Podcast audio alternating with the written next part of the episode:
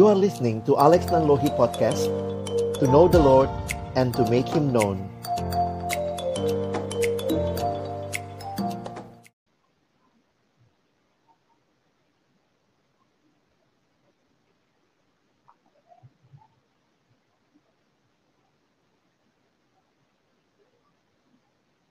Halo, selamat malam teman-teman sekalian. Selamat malam Ray. Halo, selamat malam Bang Alex. Selamat malam juga teman-teman semua. Selamat datang kembali di dalam YouTube Alex Nanlohi malam hari ini. Dan kita bersyukur kembali ada kesempatan untuk kita boleh sharing, untuk saling berbagi, saling menginspirasi.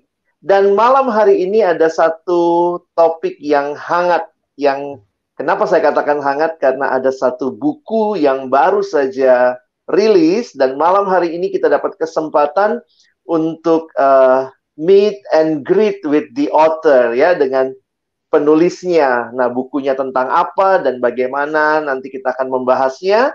Saya berharap teman-teman juga nanti bisa ikut berinteraksi ya, Rea. Hmm. Dan ya, mari mulai dengan ini kalau teman-teman uh -uh. apa dapat jarkomannya itu kan uh, cukup menarik ya topiknya yeah. tentang uh, leadership dan sebagainya dan kupikir itu relevan banget dengan teman-teman baik di kampus maupun juga di hmm. dunia kerja jadi uh, feel free buat nanti kita bisa sharing dan explore bareng.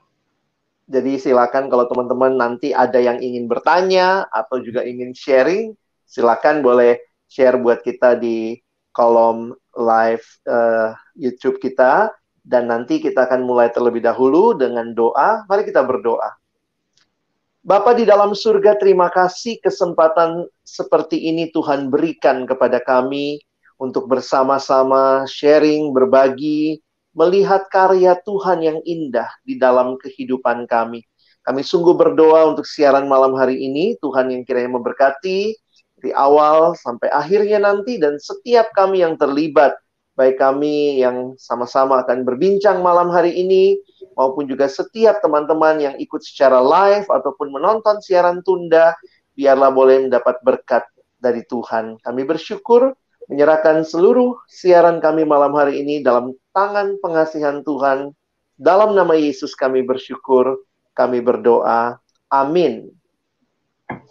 Dan malam hari ini kita akan melihat profil dari pembicara kita atau yang hari ini kita akan bahas bukunya sama-sama ya. Penasaran, penasaran. Penasaran ya. Dan ini sekali lagi satu kehormatan buat kita malam hari ini boleh kedatangan uh, tamu yang luar biasa. Kita saksikan profilnya berikut ini.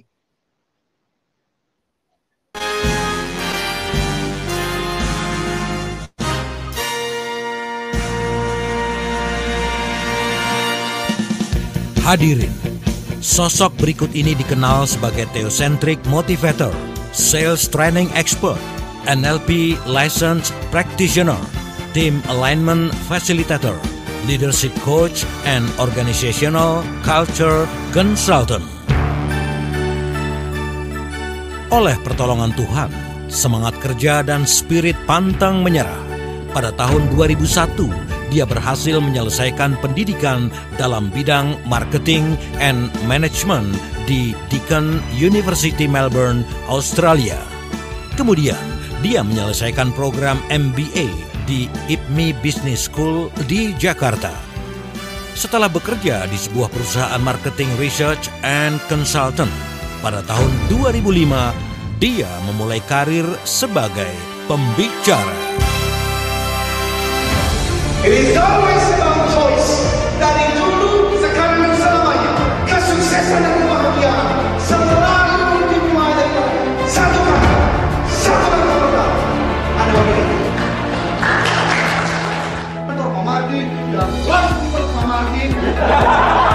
Lihat orang sebelah dan sebelah kanan Anda, lalu Anda ngomong begini, sama aku yuk. Dia berhasil menulis buku-buku bestseller seperti Life Success Triangle, Sales Warrior Using Rave Sales Principles, I'm a Leader, Turning Good Managers into Great Leaders. Kisah hidupnya telah diliput oleh berbagai media hingga dibukukan dalam bentuk novel true story oleh penulis ternama Albertine Indah. Dia adalah founder and managing director dari Capstone Asia Servitam dengan spesialisasi dalam membangun kepemimpinan dan budaya perusahaan. Dia pernah diundang berbicara ke sejumlah kota besar di Asia seperti Singapura, Kuala Lumpur, Bangkok, dan Hong Kong.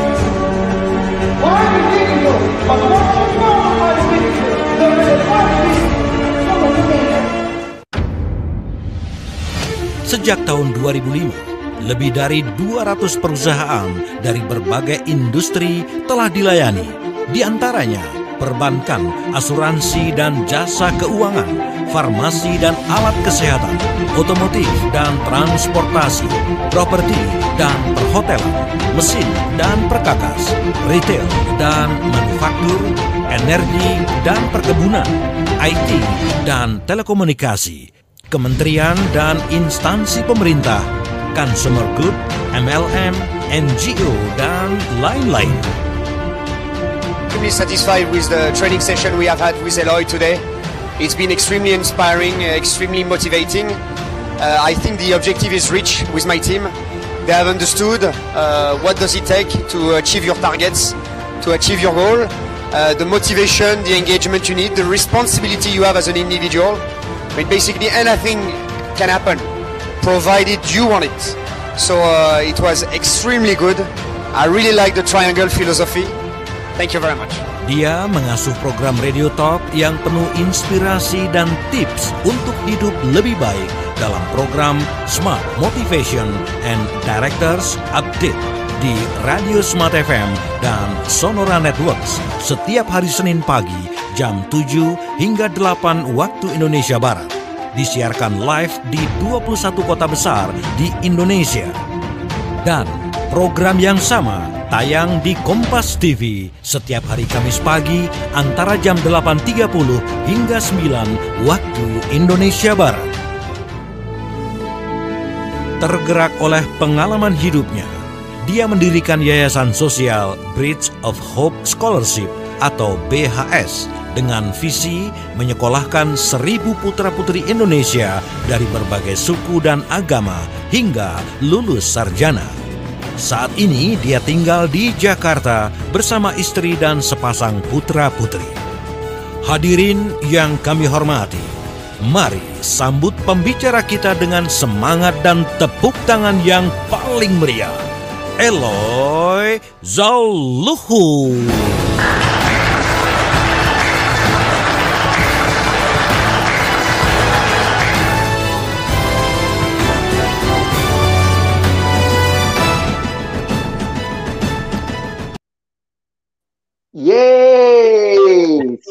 Selamat malam.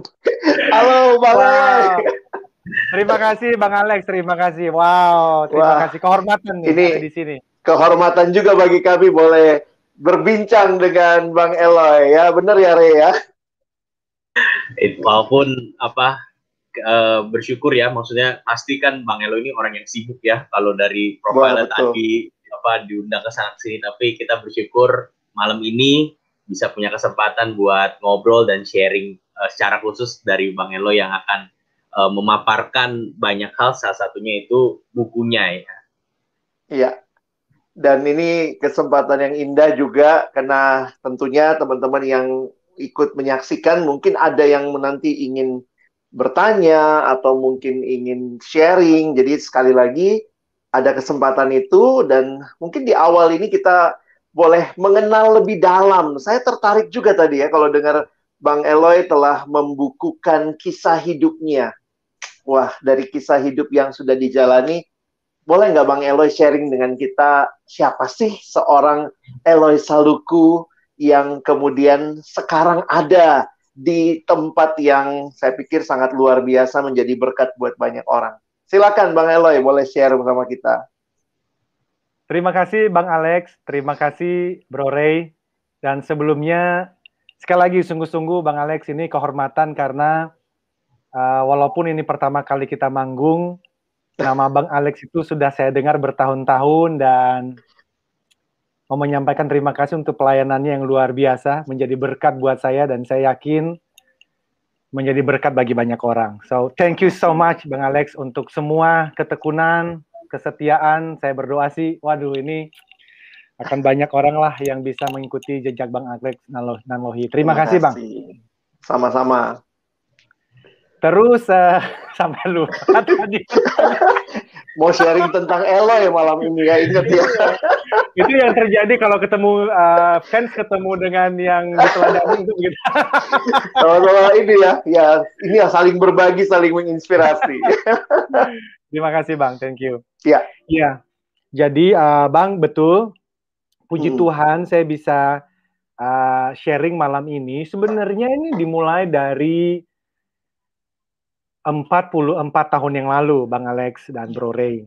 Saya lahir sebagai anak ke-13 dari 13 bersaudara. Hmm. Uh, dari istri papa yang keempat. Hmm. Karena saya dari satu pulau, yaitu di Pulau Nias, Bang. Dan hmm. waktu itu papa saya, walaupun sudah percaya Tuhan, tetapi hmm. pemahamannya masih pemahaman ya waktu itu di mana papa kalau di kampungnya itu termasuk orang berada lah punya kebun yang luas.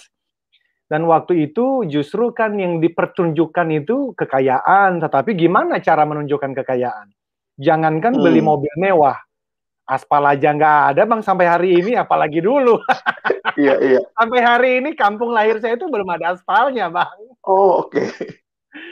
Jadi yang beliau lakukan adalah ya karena beliau terkenal di kampung ya, hmm. kalau bertemu dengan wanita wanita cantik ya diambil jadi istri bang jadi yeah. istri yeah. papa semuanya cantiknya luar biasa khususnya hmm. istri papa yang terakhir ya itu mamaku bang harus anak harus memuji mamanya itu luar biasa itu pasti nah, ya tetapi yang saya mau sampaikan sebenarnya adalah um, Akhirnya kan papa meninggal ya bang ketika saya masih usia 9 bulan. Hmm. Karena ceritanya, ceritanya ini uh, diracuni oleh salah satu istrinya. Hmm. Uh, jadi biasanya kalau saya keliling di persa di berbagai perusahaan saya suka jok joking gitu bang, suka bercanda. Hmm. Saya bilang siapa di sini yang pernah terpikir untuk menambah istri?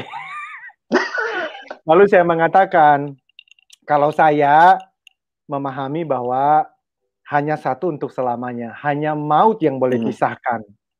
Hmm. Tetapi bagi Anda yang iseng mau menambah, ya itu pilihan masing-masing, tetapi belajarlah dari pengalaman hidup saya.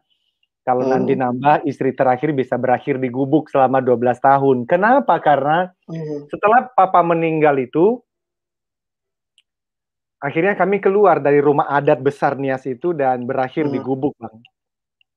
Uh, tetapi ya itulah singkat ceritanya abang saya yang nomor tiga. Jadi kami saudara kandung dari hmm. istri papa yang keempat berenam. Saya anak bontot. Nah anak hmm. yang ketiga namanya Bang Willy itu ke Jakarta pada tahun 87 bang. Oke. Okay. Uh, jual jagung rebus di daerah Matraman. Uh, tamat SMA dari Nias. Nggak pernah hmm. kepikir akan seperti apa masa depannya. Tapi singkat cerita, ternyata dia dapat informasi dari satpam yang bekerja di toko buku Gramedia Matraman waktu itu bahwa hmm. toko buku Gramedia sedang mencari pramuniaga. Pramuniaga hmm. itu yang jaga-jaga ya toko itu, Bang. Nah, intinya akhirnya abang saya membuat surat lamarannya tulis tangan diserahkanlah ke toko buku Gramedia. Puji Tuhan, alhamdulillah diterima, Bang. Hmm. Bekerja di toko buku hmm. Gramedia melawai pasaraya itu. Nah, dari sanalah abang saya bekerja dengan baik suatu hari ada seorang tamu bule orang Amerika uh-huh. lalu menyerahkan sekitar ada 20 judul buku lalu abang saya cari 8 buku ketemu 12 buku nggak ketemu bang tapi dia bilang begini sama Mister kami menyebutnya Pak Aron ya uh, Mister uh-huh. bule ini uh, Mister bukunya hanya ketemu 8 12-nya tidak ketemu tetapi tolong tinggalkan nomor telepon kantor. Itu udah masuk tahun 88, Bang. Waktu hmm. itu nggak ada handphone kan ya, yang seperti sekarang ini. Lalu yeah. abang saya mengatakan nanti dengan bantuan supervisor saya, saya akan cari di toko buku yang lain. Ada atau tidak ada bukunya, saya pasti akan telepon kembali. Ya. Nah, bule ini senang mendapatkan pelayanan seperti itu, lalu beliau mengatakan, hmm. oke okay, ini kartu nama ini uh, kartu nama saya. Lalu seminggu kemudian abang saya telepon menyampaikan bahwa nggak ada buku yang dicari. Nah, hmm. beberapa tahun kemudian bule ini kecewa. Ketika ditelepon begitu dia kecewa, tetapi dia juga senang karena ada orang yang mengerjakan pekerjaannya dengan baik. Nah, singkat cerita, tiga bulan ke, setiap bulan bule ini datang ke sana, sampai suatu hari dia mengajak abang saya, dia bilang hari Minggu yang akan datang, saya akan hmm. makan di sebuah restoran. Dan dia tuliskanlah nama dan alamat restoran itu. Dia bilang kalau mau ikut makan boleh. Abang saya hari Minggu itu tidak bekerja, iseng bang datang hmm. ke rumah makan itu. Kaget. Kenapa kaget? Ada dua alasan Bro Ray. Yang pertama, pertama kali masuk restoran. Tapi yang kedua, dia kaget karena bule ini dikelilingin sekitar 10 anak Indonesia. Nah, setelah makan, satu persatu diperkenalkan, ini saya sekolahkan, ini papa mamanya udah nggak ada, ini suka ngamen di depan kantor saya. Singkat cerita, dia bilang, Willy kalau mau sekolah boleh, saya akan biayain sekolahmu. Abang saya hmm. disekolahkan lah di Universitas Trisakti, Grogol, Jakarta Barat, belajar hmm. geologist. Enam bulan kemudian, Bang, mereka mampirlah ke gubuk di Pulau Nias itu. Hmm. Dan dari sanalah semua berubah. Kami disekolahkan, abang saya nomor empat disekolahkan, yang sempat nganggur enam tahun. Kakak saya yang uh, namanya Yuli juga nganggur dua tahun disekolahkan. Saya baru lulus SD disekolahkan. Sampai akhirnya dibawa ke Jakarta. Saya sekolah di SMP Strada di Jakarta Selatan, SMA Gonzaga. Lalu saya hmm. dikirim ke Australia selama enam tahun dan kembali dan sampai hari ini, Bang. wow. Hmm.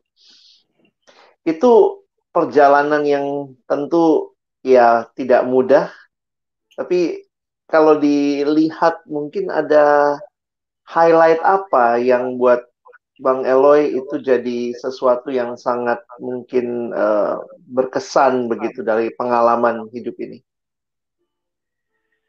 Nah, semua itulah yang akhirnya membawa saya pada pemikiran mengenai theocentric motivation and leadership itu, ah. Bang Alex.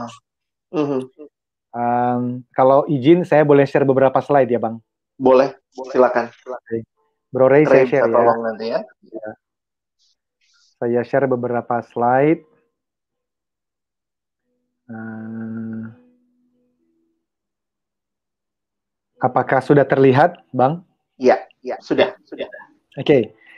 Uh, eh, jadi itu adalah buku saya yang terakhir, buku um, yang kelima hmm. tentang theocentric motivation and leadership. Uh, nah, tadi saya jadi buku ada beberapa buku pertama, Bang. Ini buku saya yang pertama, Life Success hmm. Triangle. Hmm. Uh, saya bicara mengenai tahun tiga, berapa itu uh, keluarnya yang Life Success Triangle?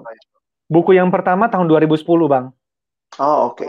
Jadi saya memulai karir sebagai pembicara seperti ini tahun 2005 mm-hmm. dan tahun 2010 buku saya yang pertama muncul. Kemudian mm-hmm. dilanjutkan oleh buku yang kedua, ini perjalanan hidupku sebetulnya, dituliskan mm-hmm. oleh Mbak Albertin Endah. Uh, kemudian ini buku saya yang ketiga, saya jatuh cinta dengan dunia penjualan karena setelah saya mm-hmm. training itu 80% dari peserta training motivasi kami ternyata orang-orang yang bergerak di dalam dunia sales and marketing. Dan okay. saya ya menuliskan buku ini hasil saya menemani mengcoaching teman-teman sales. Uh -huh. Uh -huh. Dan kemudian saya menuliskan buku leadership. Ini khusus untuk teman-teman manajer ya dan supervisor di berbagai perusahaan. Uh -huh. Basis dasar-dasar mengenai kepemimpinan. Lalu yang di tengah ini buku yang terakhir Uh, hmm. Nah ini perjalanannya bang tadi yang saya sampaikan. Wow. Jadi ketika bang bule yang mana nih? Yang sebelah mana nih? Saya yang oh, di tengah bang. Saya yang di tengah ya. Iya. Wow. Jadi kalau ada teman-teman yang melihat, uh, jangan lihat di bagian resleting celana saya karena itu rusak bang. Jadi uh, terbuka resletingnya. Itulah satu-satunya celana yang saya punya waktu saya masih usia 10 tahun. Hmm. Hmm.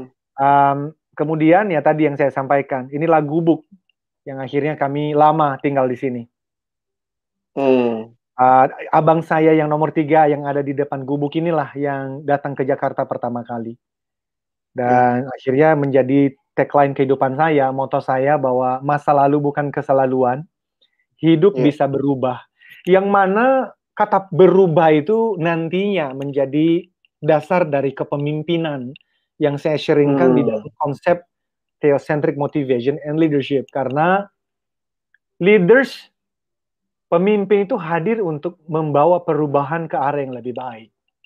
Tetapi ya. itu dimulai dari diri sendiri. Sehingga teman-teman mahasiswa-mahasiswi atau baru memulai bekerja di berbagai perusahaan, um, pertanyaannya adalah perubahan apa yang sedang kita kerjakan mulai dari diri kita sendiri dulu. Hmm. Karena itulah yang menjadi langkah pertama menuju perubahan yang lebih besar. Uh, saya sempat salah jalan bang, sempat jatuh dalam hmm. dunia gelap. uh, mulai dari SMA, saya SMA lima tahun ya bang. Wow, itu Jadi, udah lulus S1 harusnya. Jadi saya empat tahun di, di SMA di Jakarta karena okay. itu tadi saya sempat salah jalan. Lalu yeah. nerusin lagi satu tahun di Melbourne karena kan nggak bisa langsung hmm. ngambil S1 bang ya anak-anak dari okay. Indonesia lulus SMA either ngambil foundation year atau year 12 hmm. kelas kelas 3 SMA. Uh, saya sempat hampir hampir lewat Bang di Melbourne, jadi saya sempat salah jalan ini. Tetapi hmm. puji Tuhan saya bisa kembali ke jalan yang benar tanpa rehab. Dan itulah yang iya. dibukukan yeah. dalam buku perjalanan hidupku ini sebenarnya. Hmm. Uh, Tuhan juga berikan kesempatan untuk sharing di radio uh, dari Kumpas Group ke Remedia selama 8 tahun terakhir. Juga sempat diberikan kesempatan untuk share di Kompas TV dan seterusnya. Bagi teman-teman yang nanti mau mengikuti, uh, melanjutkan persahabatan juga bisa di Instagram. Ya.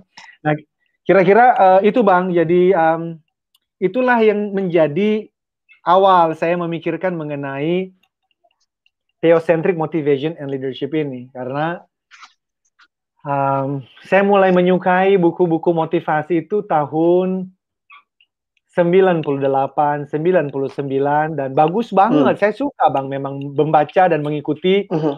seminar-seminar motivasi. Tetapi seminar motivasi ini menurut saya itu banyak yang fokusnya pada diri sendiri bahwa kamu hebat, kamu mampu, the power of mind, kekuatan pikiran. Um, hmm. Which is so Good. Tetapi dari pengalaman hidupku, yang tadi saya ceritakan ada dua hal kan. Dari kampung bisa ke Jakarta, kemudian salah jalan, bisa kembali ke jalan yang benar. Nah itu membuat saya gelisah dengan pengajaran motivasi yang hanya berfokus pada diri manusianya. Oh, Karena okay. pengalaman yeah. hidupku justru kok kayaknya nggak dimulai dari dari kehebatan manusianya gitu loh bang.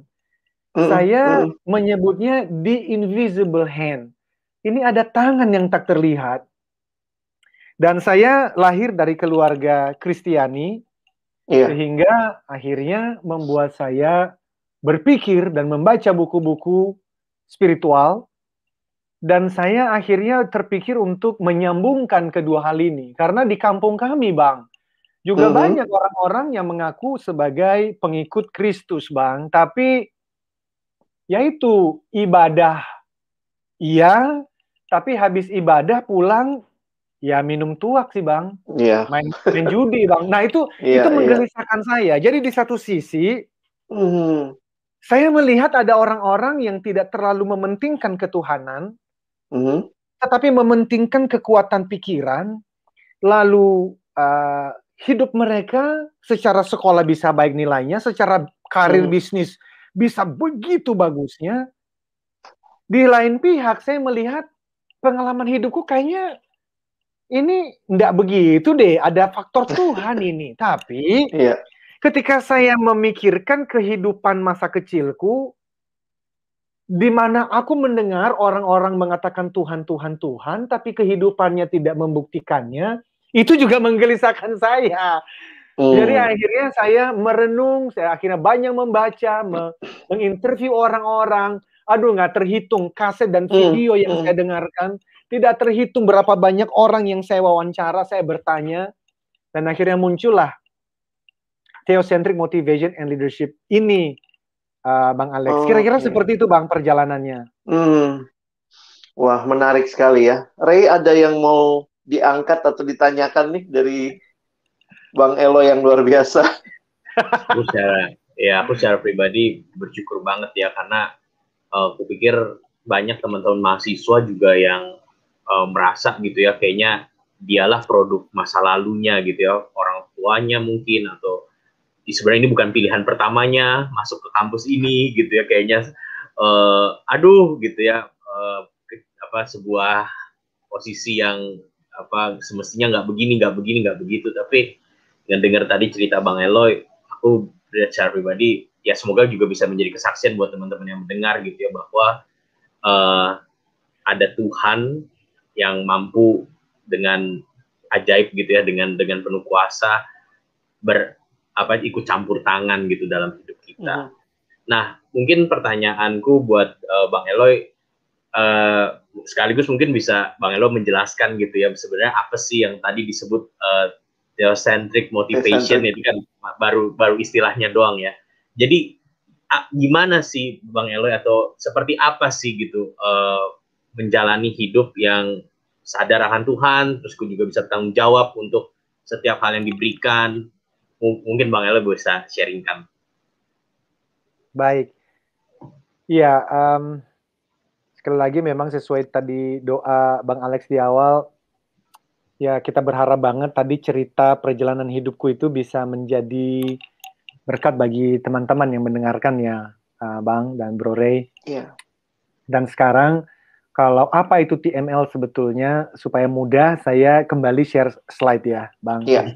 Um, jadi itu sebetulnya berbicara tentang apa sih? Uh, berbicara mengenai hmm, TML itu kan teosentrik ya bang? Iya. Itu T-nya itu Theos itu kan bahasa Yunani ya. Theos itu adalah Tuhan. Tuhan. Mhm. Sentrik artinya pusat. Jadi bagaimana Tuhan itu menjadi pusat kehidupan kita. Mm motivation itu yang aku tahu dari bahasa Latin, movere, to move itu adalah satu satu antusiasme gerakan yang datang dari dalam diri ini dan kalau para ahli, para profesor di bagian positive psychology atau human behavior itu berbicara mengenai kata change. Jadi ingin hidup yang lebih baik. Nah, sementara nanti leadership ada begitu banyak definisi, tetapi saya paling suka dari Pak uh, John C. Maxwell yang mengatakan leadership mm. is influence, nothing more, nothing less. Bahwa influence, kata kuncinya adalah influence, pengaruh. Sehingga uh, itulah kira-kira apa yang dimaksudkan dengan theocentric motivation in leadership bahwa mm. Tuhan itu alfa dan omega kan ya Bang. Jadi yang yang memulai ya awal dan akhir Uh, hmm. Yang mana per panggilan hidupku ini secara spesifik di marketplace, Bang. Sehingga yeah. uh, saya membawakan prinsip-prinsip seperti ini dari perspektif umum sebenarnya. Yeah. Ketika saya hmm. berbicara teosentrik itu, saya berbicara Tuhan dalam wahyu umum, prinsip-prinsip umum yang hmm. kemudian saya integrasikanlah dengan pengajaran-pengajaran positif psychology dari Martin Seligman misalnya, dari hmm. uh, teman dan ahli-ahli yang lain, dan kemudian leadership. Nah, kalau di dirangkum khususnya buku yang baru terbit ini 25 hmm. bab, berarti di dalam buku itu ada tiga ada tiga bagian bang. Bagian pertama teosentrik itu 15 bab. Kemudian yeah. bagian yang kedua itu motivation. Motivation. Ada, ya, ada 10 bab. Dari 10 mm -hmm. bab itu saya membahas 5 bab pertama tentang the power of mind, kekuatan pikiran, how hmm. brain works, bagaimana pikiran, otak yang Tuhan berikan ini sebetulnya cara kerjanya bagaimana sih? Karena itu penting banget ternyata. Hmm. Dan baru kemudian di bab terakhir saya bicara mengenai leadership. Kenapa hanya satu bab? Karena buku saya sebelumnya sudah banyak membahas satu buku itu membahas mengenai leadership. Oh, oke. Okay. yeah, yeah. bagi teman-teman yang ingin mendalami sudah tersedia di buku aku yang sebelumnya. Hmm. Nah, uh, apa pun ap, lalu apa theocentric motivation itu sesuai dengan judulnya kan the invitation. Jadi undangan sebenarnya. Aku mengundang hmm. semua orang di Indonesia, di Asia dan dunia untuk mulai memikirkan konsep theocentric motivation and leadership yang terdiri dari ada enam kata kunci bang di dalamnya. Hmm. Nah tiga yang pertama itu saya sebut sebagai three P's, tiga P. P. Hmm. Pertama purpose, kedua potential, ketiga adalah passion. Nah jadi kalau ditanya kenapa si Eloy TML masih hadir, kamu bilang ini dititipkan amanah khusus dari Tuhan yang Maha Kuasa. Hmm. Emang kenapa gitu mesti ada TML? Karena menolong untuk menolong individu menemukan tujuan hidup. Jadi kalau hmm. ditanya bagaimana saya bisa keluar dari dunia gelap tadi, jawaban saya itu anugerah Tuhan dan yang membimbing saya menemukan tujuan daripada hidupku.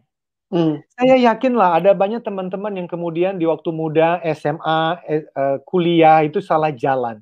Simply karena hmm. mereka tidak pernah betul-betul menemukan purpose of life-nya.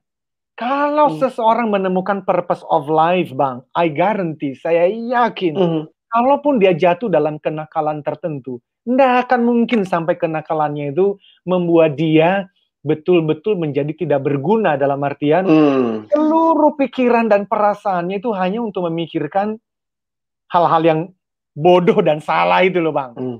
Iya. Nah, karena saya pernah di posisi itu selama empat tahun. Bahkan uh-huh. saya ingat waktu saya di Melbourne, itu tahun kan saya tiba di Melbourne itu Agustus tahun 96. Okay. Lalu Februari tahun 97 saya berpacaran dengan orang Jepang. Anak Jepang namanya Sayaka, usia 14 tahun, saya usia 19 uh-huh. tahun. Dan hidup saya benar-benar nggak karu-karuan. Kami sempat ke sini uh-huh. selama 10 hari. Uh-huh. Inti ceritanya adalah bulan April tahun 97 saya farewell to God. Selamat tinggal Tuhan, hmm. jangan urusan saya. Saya sempat sampai di posisi itu, Bang. Karena hmm. apa? Karena waktu kecil mamaku sudah mengajarkan kami berdoa. Bangun pagi hmm. berdoa, makan berdoa. Berapa kali kita makan? Itu aja udah tiga kali sehari minimal. Berarti tiga hmm. kali. Pagi satu kali, malam satu kali. Berarti minimal lima kali sehari saya berdoa. Bang. Yeah. Tapi hidupku nggak karu-karuan, Bang. Di situlah hmm. terjadi pergulatan di dalam batinku dan akhirnya terjadi percakapan self talk. Kira-kira ngomongnya begini, Eloy, hmm. Kamu kalau emang mau berdoa, udahlah, tinggalkan semua kenakalan ini. Tapi kalau emang hmm. kamu mau menikmati kenakalanmu, nggak usah doa doa lah, kamu munafik banget. Oke. Okay. Itu terjadi hmm. pergulatan selama berbulan-bulan dan akhirnya September no, no, April tahun 97 saya memutuskan untuk meninggalkan Tuhan dan meminta Tuhan jangan urusin urusanku. Hmm. Hmm. Sampai pada September 97 lima hal terjadi dalam kehidupan saya dan memutuskan saya memutuskan untuk suicide, memutuskan untuk mengakhiri hmm. hidup. Nah, tapi memang belum waktunya meninggal justru itu menjadi turning point untuk kemudian saya bertemu dengan Om Willy. Siapa Om Willy? Mm. Itu adalah orang Indonesia yang sudah 20 tahun tinggal di Melbourne waktu itu, memulai sebuah mm. persekutuan di Melbourne. Dan kemudian saya meminta teman apartemen saya mempertemukan saya dengan Om Willy, karena Om Willy sering datang ke apartemen kami waktu itu. Setiap hari Selasa malam, oh, okay. beliau datang berdoa. Tapi setiap kali dia datang, waktu saya masih nakal itu, saya pergi bang, saya tinggalin. Tapi karena kesetiaan beliau itu lebih dari satu tahun. Nah, ketika saya sampai di pojok, saya benar-benar karena ya itu tadi kan ada lima hal terjadi kalau saya masih percaya Tuhan, masih ada tempatku untuk berdoa kan. Tapi saya udah meninggalkan Tuhan di bulan April, bang. Hmm, hmm. Teman-temanku nggak ada lagi karena itu juga dicatat dalam buku perjalanan saya. Yeah. Dan saya akan juga saya juga berakhir hubungannya saat itu dan akhirnya untunglah nah yang saya yakin Tuhan yang menempatkan Om Willy di sana, mm. yang akhirnya itu menjadi pintu masuk. Saya bertemu dengan Om Willy dan Om Willy memperkenalkan saya dengan Tuhan. Di situlah aku menemukan purposeku. Mm. Yang di dalam pengajaran theocentric motivation, aku berkata, purpose of life is to know God and make God known. Bahwa per, tujuan hidup ini sebenarnya adalah mengenal Tuhanmu dan memperkenalkan hmm. Tuhanmu tidak harus selalu dengan berbicara, tetapi melalui cara hidupmu, kualitas hmm. kerjamu, kualitas hidupmu. Nah, karena itu saya akhirnya belajar setelah ketemu purpose, yes, hidupku mulai baik. Tapi ternyata waktu itu saya belajar jurusannya banking and finance, Bang Alex. okay. Nah, ternyata tujuannya udah mulai benar, tapi hasil kuliahku parah. Itu membuat yeah, saya yeah. menjadi nggak percaya diri. Nah, di situlah saya mulai mengenal ternyata potensi ini aku harus tahu loh. Sebenarnya Tuhan menitipkan aku tuh bakat apa. Hmm. Karena aku pernah membaca Albert Einstein mengatakan semua orang tuh jenius. Semua orang tuh jenius. Hmm. Tapi kalau seekor ikan dinilai, dinilai berdasarkan kemampuannya memanjat pohon, maka seumur hidup, Bang, yeah, seumur yeah. hidup ikan ini akan merasakan dirinya sebagai yang terbodoh di dunia. That was hmm. me. Karena aku belajar hmm. banking and finance hitung-hitungan, yang hmm. ternyata itu bukan potensiku, Bang. Maka saya memberanikan diri, ini perjalanannya panjang lah. Saya memberanikan diri, saya pindah jurusan, Bang. Saya akhirnya pindah okay. ke Deakin University, saya belajar marketing dan manajemen. Saya mulai menikmatinya. Hmm.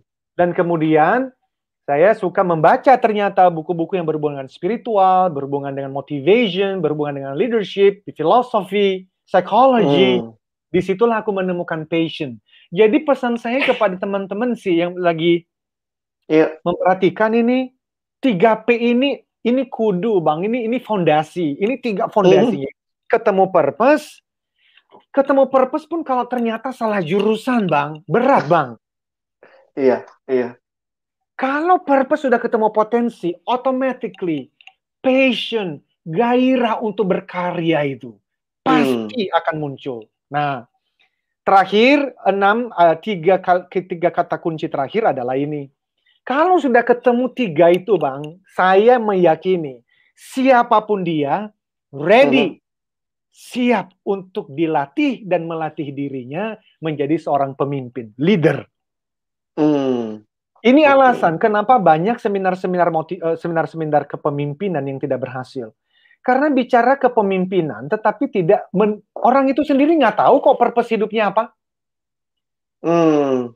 Boro-boro dia tahu purpose dia kuliah. Boro-boro dia tahu purpose tujuan dia bekerja.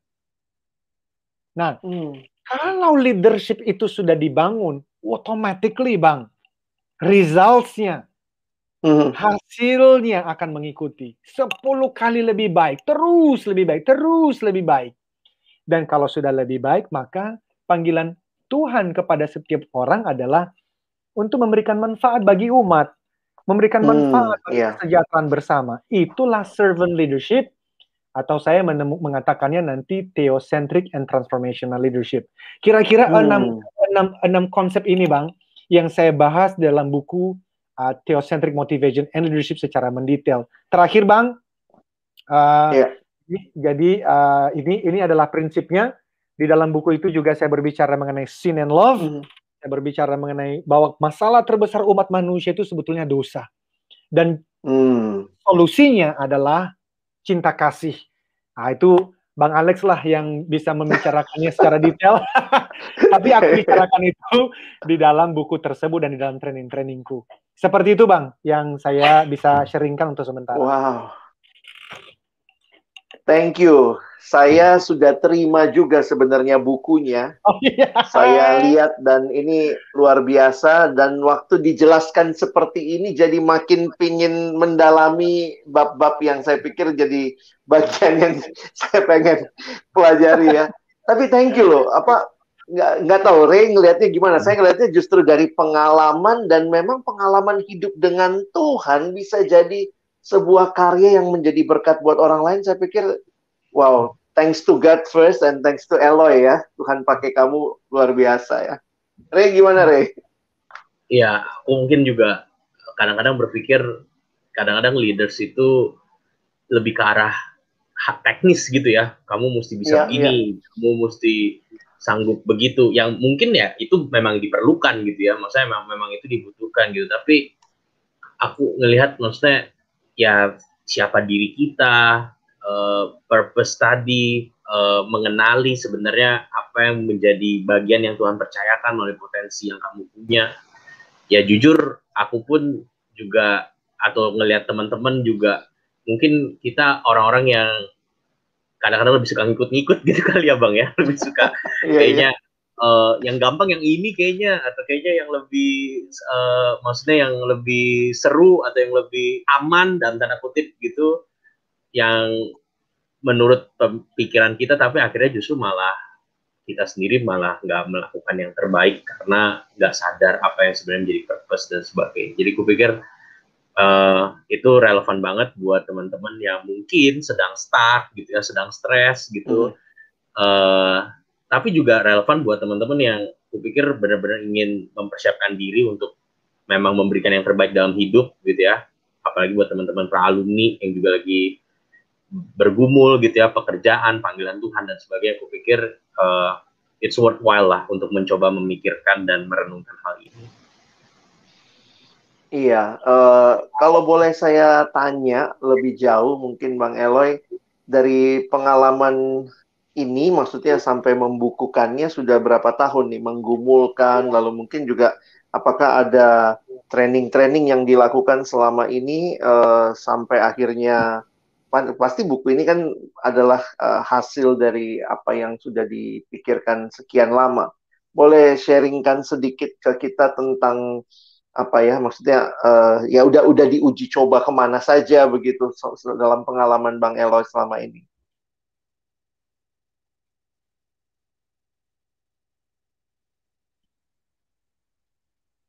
Halo, Bang Eloy bisa dengar saya?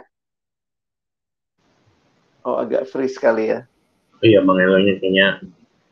Mm -mm. Sorry, Bang, ya. ini kayaknya koneksinya tadi sempat. Oh, Halo. Okay. Hmm. Ya, Halo. Sudah, sudah bisa dengar? Sorry, tadi sempat nge-freeze ya. Iya, ya, sempat ya, freeze okay. tadi. ya. Bagaimana ah, buku ini ya, apakah jadi, maksudnya prin, prinsip theocentric motivation and leadership ini sudah di dicoba di banyak tempat mungkin bisa boleh share apa ya hal apa ya yang di, dinikmati oleh orang-orang yang uh, Eloy bagikan hal ini. Ya, um, jadi ini sebenarnya sudah mulai terpikirkan sejak tahun 2000, Bang. Wow. Yang tadi saya Sekarang sampaikan 2021, tahun ya? 98, 21 tahun lah. Tetapi yang benar-benar saya mulai serius memikirkannya tahun 2005 karena itu kan saya akhirnya memutuskan menjadi seorang trainer atau motivator, theocentric motivator di marketplace itu. Mm. Dan kemudian saya memberanikan diri tahun 2010 saya sudah mulai menuliskannya di dalam buku saya yang pertama satu bab oh, khusus okay. membandingkan antara theocentric motivation dengan anthropocentric motivation. Hmm. Yang mana keduanya itu ya ya tadi tuh Bang, anthropocentric itu kan pusatnya manusia. Iya. Yeah. Itu adalah pengajaran motivasi yang paling populer dan saya tidak mengatakan semuanya salah. No, saya juga mengajarkan itu setengah dari buku ini saya mengajarkan mengenai itu. Tetapi tadi yang saya bilang nggak boleh di nggak boleh hanya berpusat pada kehebatan manusianya. Nah sehingga kalau sudah kalau ditanya sudah menyampaikan di mana aja banyak bang uh, sudah yeah. lebih dari 200 perusahaan lah puji Tuhan oh. juga. Ya itu sih karena memang teosentrik ini saya tidak bicara mengenai agama sebenarnya bang. Mak, mak, yeah. bahkan di dalam pelatihan-pelatihan yang kami bawakan, uh, termasuk kan kami punya tim ya bang, namanya Certified Theocentric Motivator. Oh, Oke. Okay. Jadi orang-orang yang suka memotivasi, tetapi dia senangnya integrasi ini tadi dulu bahwa hmm. yes kita belajar motivasi, belajar positive psychology, tapi dasarnya adalah ketuhanan. Nah di dalam kelompok para certified itu itu terdiri dari berbagai agama, bang Alex. Hmm, hmm. Terdiri dari berbagai agama yang tentu orang-orang yang beragama berbeda tetapi menghargai keperbedaan dan saya menyampaikan as a Christian uh, tentu saya punya core belief saya sendiri.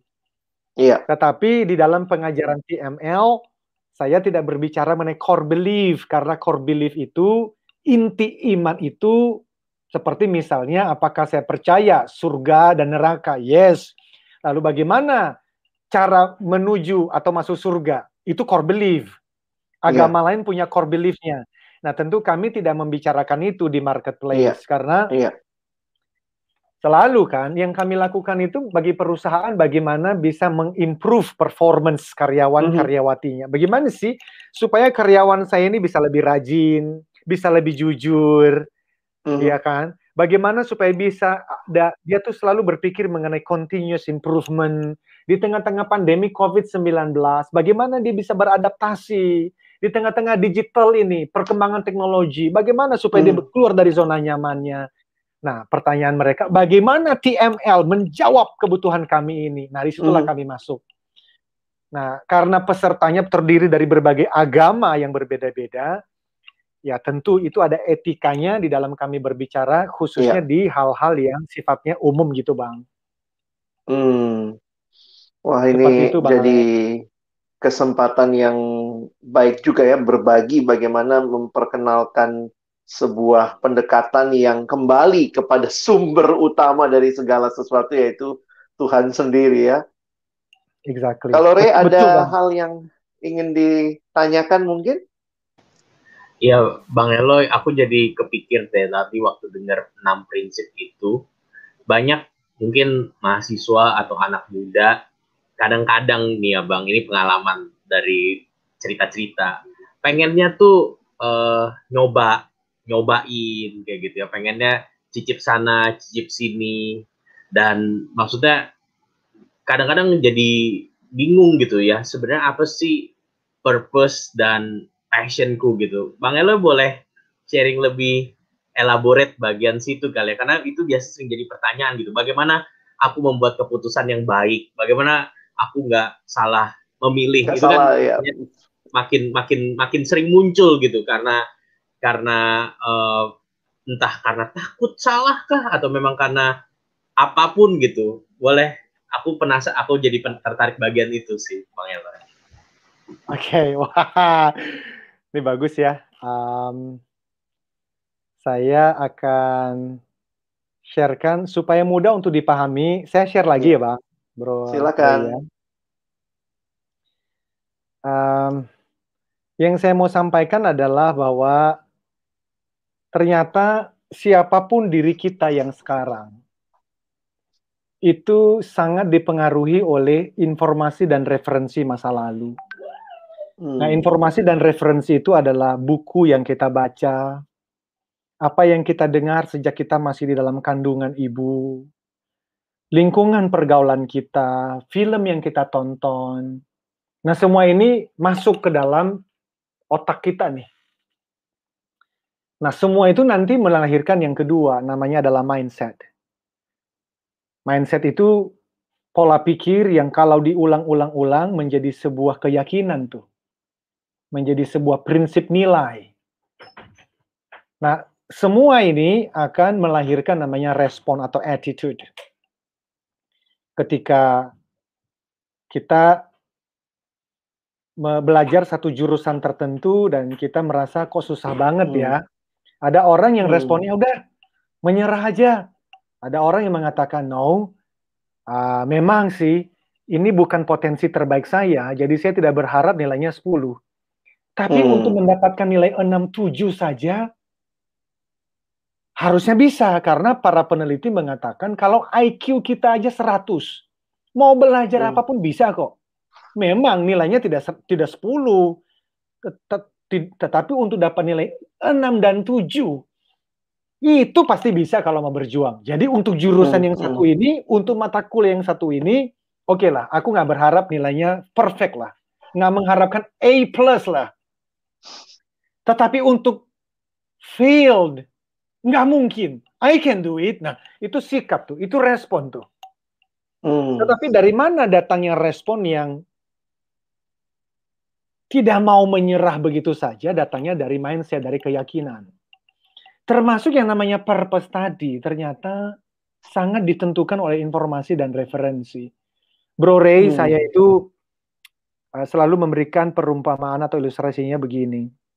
Kalau saya ngajak Bro Ray untuk besok jam 12 siang bertemu dengan saya di sebuah mall, let's say di Jakarta Selatan ya. Lalu saya bilang, Bro Ray, hmm. besok jam 12 tolong temuin aku ya di mall XYZ lah begitu. Yang muncul dalam pikiran Bray, kemungkinan besar adalah tujuannya apa ya? Hmm. Menariknya, pertemuan satu jam. Bro Ray mau tahu loh tujuannya untuk apa. Tetapi aku keliling Indonesia ini, dan aku tanya kepada orang-orang. Dan saya menemukanlah. Sembilan dari sepuluh orang, Bang Alex. Tidak pernah hmm. sungguh-sungguh menanyakan. Iya ya. Hidupku itu tujuannya apa ya? Dari 270 hmm. juta manusia Indonesia. 7 miliar manusia di dunia. Kenapa hmm. ya? Kenapa ya aku mesti lahir ya? Hmm. Mungkin pernah terbesit di saat retreat ya atau terbesit ketika kita ngobrol seperti ini. Tapi yang benar-benar itu berlutut berdoa mencari tahu Tuhan. Kalau pen untuk menulis, kalau handphone untuk komunikasi, kalau lampu untuk menerangi, ini semua benda-benda mati, semua diproduksi di pabrik ada tujuannya. Tuhan aku ini diciptakan buat apa ya? Hmm.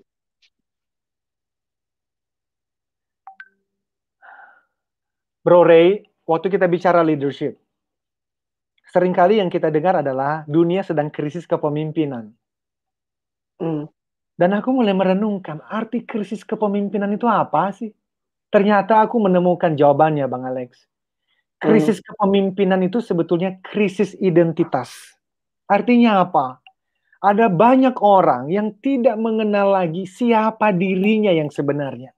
Hmm, Kenapa hmm. dia dilahirkan di dunia? Untuk tujuan apa? Tapi hanya karena nilai di sekolahnya bagus, lalu bekerja di sebuah perusahaan, lalu dia mencapai target kerjanya, lalu hmm. di, di, di, dipromosikan jadi tim leader, jadi supervisor, manager, hmm. bahkan jadi direktur loh bang. Bahkan mungkin jadi presiden sebuah bangsa loh. Bisa, hmm. tapi ini orang-orang yang menuntun, orang buta yang menuntun orang buta orang juga. Buta. Hmm. Karena ya itu tadi itu identitasnya who am I? Ini kan lima pertanyaan terpenting seja dalam sejarah umat manusia. Yeah. Who am I? Siapa aku? Where am I from? Dari mana aku datang? Why am I here? Kenapa aku harus ada di planet bumi ini? What can I contribute? Aku bisa mengkontribusikan apa? Potensi yang Tuhan tanamkan itu apa? Dan yang kelima, where am I going? Aku lagi menuju hmm. ke mana ini? Ini lima pertanyaan yang menurut saya, siapa pun yang sungguh-sungguh mau menjadi seorang pemimpin, harus menjawab dulu lima pertanyaan ini. Kalau tidak, dia bukan hmm. menjadi seorang leader, Bang, tapi menjadi manipulator. Yang saya sebut professional manipulators. Hmm. Saya ada satu podcast mengenai hal ini. Saya berbicara hmm. mengenai perbedaan antara true leaders dengan hmm. professional hmm. manipulators. Hmm. Jadi kalau kita mau belajar mengenai true leaders, ya dimulai daripada menjawab lima pertanyaan tadi, Bang. Siapa aku? Dari mana aku datang? Mengapa aku ada di sini? Potensi apa yang Tuhan titipkan kepada aku sehingga aku bisa berkontribusi bagi bangsa hmm. ini? Dan yang terakhir, aku lagi menuju ke mana ya? Hmm. Aku lagi melangkah ke mana? Apakah aku lagi melangkah menuju panggilan itu atau justru sedang menjauhinya? Hmm. Wow. Seperti yang tadi Bang Eloy bilang ya, bahwa Tuhan itu alfa dan omega. Jadi sebenarnya menjawab semua pertanyaan tadi mulai dari mana saya datang sampai ke mana saya pergi. Ya tanya sama yang mencipta kita gitu ya. Wah. Jadi ini kesempatan yang indah juga buat teman-teman yang dengar. Mungkin banyak yang seperti Ray juga bilang tadi ya. Saya ngalamin tuh banyak anak-anak siswa maupun mahasiswa bertanya Jadi saya mesti gimana kak? Saya mesti ke mana? Lalu kemudian saking takutnya salah pilih, malah nggak milih sama sekali. Hmm. Dan akhirnya yang terjadi ya itu, akhirnya stuck, lalu akhirnya hanya berjuang dengan usaha sendiri tanpa benar-benar yang tadi Bang Elo bilang ya, berlutut di hadapan Tuhan, bergumul serius apa yang Tuhan kehendaki. Wow, ini jadi kesempatan yang indah sekali. Thank you, Bang Eloy. Mungkin boleh sedikit kasih bocoran bisa dapat di mana bukunya? Oh. bukunya harganya apakah berapa boleh dong ya?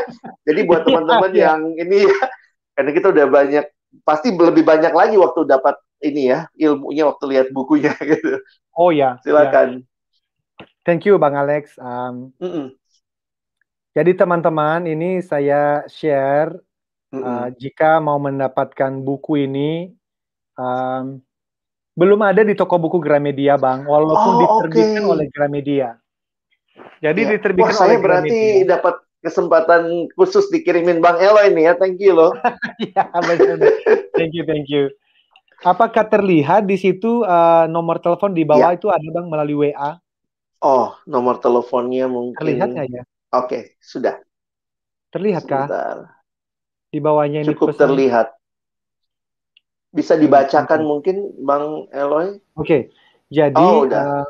Uh, jadi 0813 mm -hmm. 983 98127. Saya ulang 27. ya, Bang. Iya. Jadi teman-teman silakan ambil HP, tuliskan aja, nanti tinggal hmm. WA karena memang uh, hmm. buku ini belum available, belum tersedia di toko buku Gramedia maupun online, Bang. Hanya bisa oh. pre-order oh melalui yeah. uh, nomor telepon tadi nomor 0813 983 981 27 dan versi cetaknya itu tentu sangat terbatas Bang karena shifting kan. Semakin banyak okay. orang tuh maunya membaca e-book. Iya iya iya. Tapi bagi yang suka membaca versi cetak karena ada bau bau kertasnya itu loh Bang Alex kan beda. Nggak bisa di ini ya, nggak bisa dilupakan ya. nah bisa dipesan masih ada beberapa bisa dipesan di 0813 983 98127. Seperti itu oh. Bang Alex.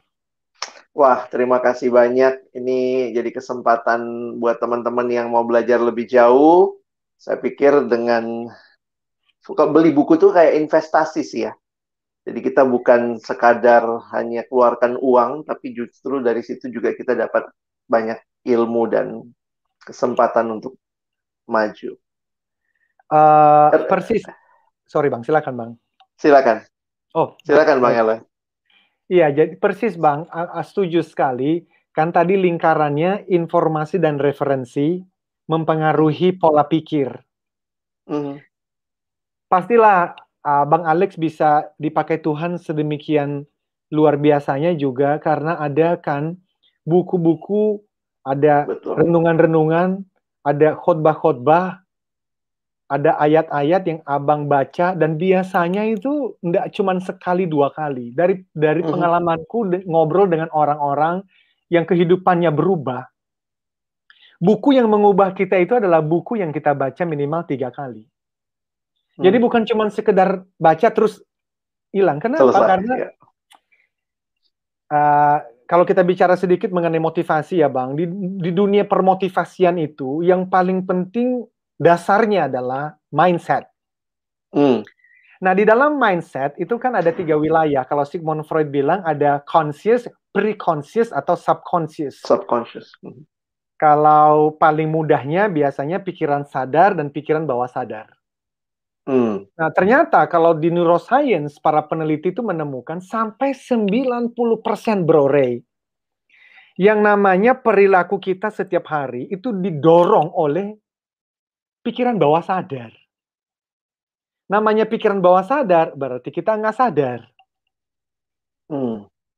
Nah, makanya kalau kita membaca buku sekali, dua kali, tiga kali, itu seperti membersihkan satu botol yang kotor dimasukkan terus air yang bersih, lama-lama kotornya keluar, digantikan hmm. dengan yang bersihnya. Nah, nanti Bang Alex yang menyampaikan firman Tuhan mengenai ini, tapi aku ingat kenapa Tuhan mengatakan renungkanlah firman itu siang dan malam. Siang dan malam. Hmm. Karena memang repetition is the mother of all skills. Pengulangan itulah yang menjadi kuncinya.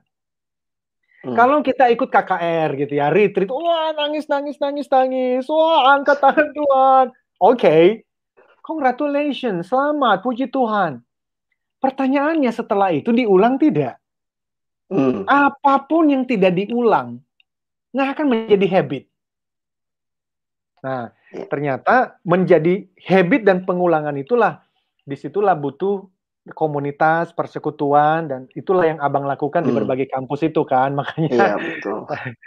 makanya memang uh, sangat sangat mulia banget pelayanan-pelayanan perkantas ya, khususnya untuk membantu teman-teman di berbagai kampus. Dan buku ini saya berharap bisa menjadi pegangan Bang sebenarnya bukan hanya untuk kita di uh, umat Kristiani, tetapi juga untuk semua umat di dunia untuk merenungkan kembali lima pertanyaan tadi. Siapa sih aku? Orang kalau bertanya pertanyaan begitu, aku berharap dan berdoa Tuhan akan menggerakkan untuk dia berjumpa dengan Tuhan. Dari sana sih, dan kalau dia berjumpa dengan Tuhan, dia berjumpa dengan dirinya sendiri. Nah, kalau dia bisa bertemu dengan dua ini aja, walaupun nggak akan mungkin sempurna ya, Bang. Ini sudah menjadi sebuah hope. Ada harapan bahwa orang ini akan dipakai Tuhan untuk menjadi pelayan dan memberikan kontribusi di zamannya. Mengenal hmm. Tuhan dan mengenal dirinya. Demikian, Bang. Terima kasih, Bang. Oke. Thank you banget Bang Eloy buat waktunya. Ini Bang Alex kayaknya nge-freeze ya. Nge-freeze ya, Bang Alex nge Gantian, gantian dari Bang Eloy Supaya adil ya. Iya, sekali lagi terima kasih buat teman-teman yang lain dan juga buat teman-teman yang nanti mungkin mendengar siaran tunda. Uh, feel free buat nanti boleh leave comment di YouTube-nya Bang Alex atau nanti juga bisa explore uh, Instagramnya tadi ya TFL uh, Community. Community. Nanti teman-teman bisa masuk, bisa cek dan bisa lihat, follow dan uh, kita secara pribadi juga sangat bersyukur buat Bang Eloy bisa sharing bersama kita malam hari ini. Bang Alex sudah kembali? iya, sorry ini koneksi ya. Saya hilang-hilang tadi. Tahu-tahu begitu ngobrol loh sudah saya sudah di luar. Tapi sekali lagi ya, Bang Eloy, terima kasih banyak untuk kesempatan boleh share dengan kita semua malam hari ini, teman-teman yang menyaksikan langsung ataupun nanti akan ikut dalam siaran tunda, kiranya juga boleh dapat berkat dan melalui siaran ini kita berharap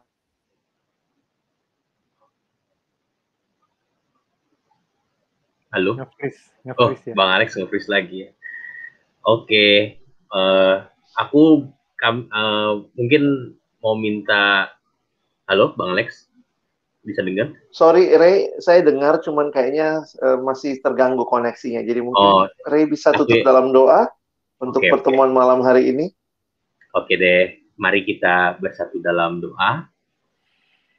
Ya Tuhan, kami bersyukur buat kesempatan bisa sharing dan berbagi bersama secara khusus juga dengan Bang Eloy yang secara luar biasa Tuhan boleh tuntun langkahnya, Tuhan yang boleh nyatakan maksud dan kehendakmu, dan saat ini juga Tuhan boleh pakai dengan begitu luar biasa menjadi saluran berkat bagi setiap orang yang boleh berjumpa dengan dirinya maupun juga dengan tim yang dia bangun.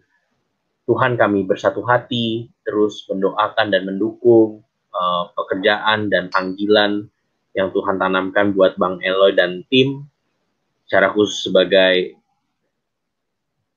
uh, theocentric motivator, menolong orang boleh berjumpa dengan Tuhan dan dari situ bisa mengenal dirinya, bisa menggunakan setiap resource dalam hidupnya dengan baik dan pada akhirnya menjadi berkat di mana pun mereka Tuhan tempatkan.